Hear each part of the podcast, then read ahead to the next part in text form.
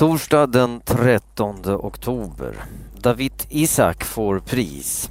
Den svenske journalisten David Isak får journalistpriset Golden Pen of Freedom i år. David Isak sitter sedan år 2001 i fängelse i landet Eritrea i Afrika. Han sattes i fängelse utan rättegång. David Isak fängslades för att han i en tidning hade kritiserat landets ledare. Priset delas ut av organisationen World Association of Newspapers. Eh, priset delas ut till människor som gjort stora insatser för tidningars rätt att skriva vad de vill. David Isaks bror Esaya kommer att ta emot priset. Eva Karlsson fick Ruter Dam. Företaget SKFs Sverigechef Eva Karlsson har fått priset Ruter Dam. Ett pris som går till den kvinna som fått det viktigaste chefsjobbet under året. Det känns jätteroligt. För att få ännu fler kvinnor på viktiga chefsjobb måste vi fundera över vad det är som får kvinnor att vilja och våga bli chefer, säger hon.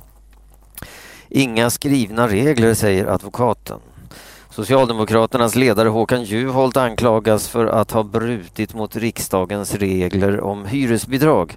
Han har fått skäll för att han har tagit emot för mycket pengar i bidrag från riksdagen. Juholt bor i en lägenhet tillsammans med sin sambo. Han skulle därför bara få pengar för sin del av kostnaden, sa riksdagens kontor. Men Juholt eh, sökte fullt bidrag och fick alla pengarna. Det har han fått hård kritik för och många kräver att Juholt ska avgå. På torsdagen sa Juholts advokat Hans Strandberg att det inte finns eh, några skrivna regler om riksdagspolitikernas hyresbidrag. Håkan Juholt kan alltså inte anklagats för att ha brutit mot riksdagens regler, säger advokaten. Kris i Slovakien hindrar nödlån.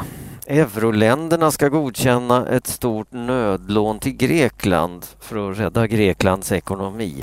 Det är bråttom. Om bara någon vecka kan statens pengar vara slut. Då räcker inte pengarna till att betala löner till alla statsanställda. Men lånet kan dröja. I tisdags röstade Slovakiens parlament nej till lånet.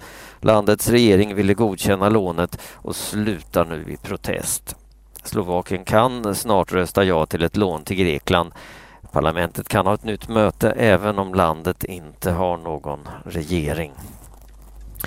Låga löner på populärteater. Glada Hudik-teatern har haft stora framgångar. Massor av människor har sett dem på film och teaterscenen. Nästa eh, vecka spelar de sin Elvis-föreställning på Globen i Stockholm. Men trots framgångarna har skådespelarna låga löner. Skådespelarna som har funktionsnedsättningar får 920 kronor för varje föreställning. De får inget betalt när de övar eller reser. Det berättar tv-programmet Uppdrag granskning. Det är helt fel, så får det inte gå till, säger Lars Åström på Teaterförbundet i programmet. Teaterns ledare har tjänat många miljoner på teatern. Nya misstankar om fusk. Socialdemokraternas ledare Håkan Juholt misstänks nu för mer fusk. Han har fått pengar i ersättning av riksdagen för hyrbil. Det fick han till exempel den 22 mars 2007.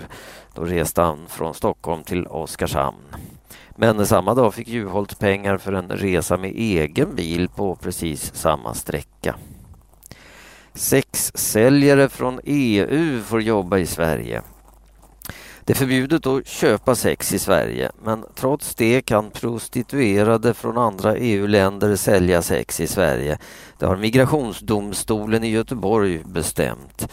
Sexsäljare från länder utanför EU kan den svenska polisen utvisa men sexsäljare från EU-länder får rätt att stanna i Sverige i tre månader. Alla EU-medborgare har rätt att röra sig fritt mellan länderna, säger EUs regler. Det är den regeln som migrationsdomstolen har följt. Det är samma regel som förbjuder utvisning av tiggare från Sverige. De svenska poliserna är bekymrade över domen i migrationsdomstolen. De tycker att den minskar polisens möjlighet att stoppa sexhandeln. Sverige tog silver i bordtennis-EM. Sveriges herrlag tog silvermedalj i Europamästerskapet i bordtennis. Tyskland vann finalen med 3-0 i matcher, men svenskarna kan vara nöjda ändå. Det här var Sveriges första EM-final i bordtennis sedan 2002. I det svenska laget spelade Jörgen Persson, Per Gerell och Jens Lundqvist. Utnyttjad arbetare fick pengar i skadestånd. En man från Kina arbetade 80 timmar i veckan på en restaurang i Göteborg. Han fick knappt några pengar i lön för sitt hårda jobb. En dag svimmade mannen på gatan. Han var helt utmattad av det hårda jobbet. Då upptäckte myndigheterna hur mannen hade haft det på sitt jobb. Nu har han fått 400 000 kronor i skadestånd. Restaurangen ska också betala 100 000 kronor till fackförbundet Hotell och restaurang.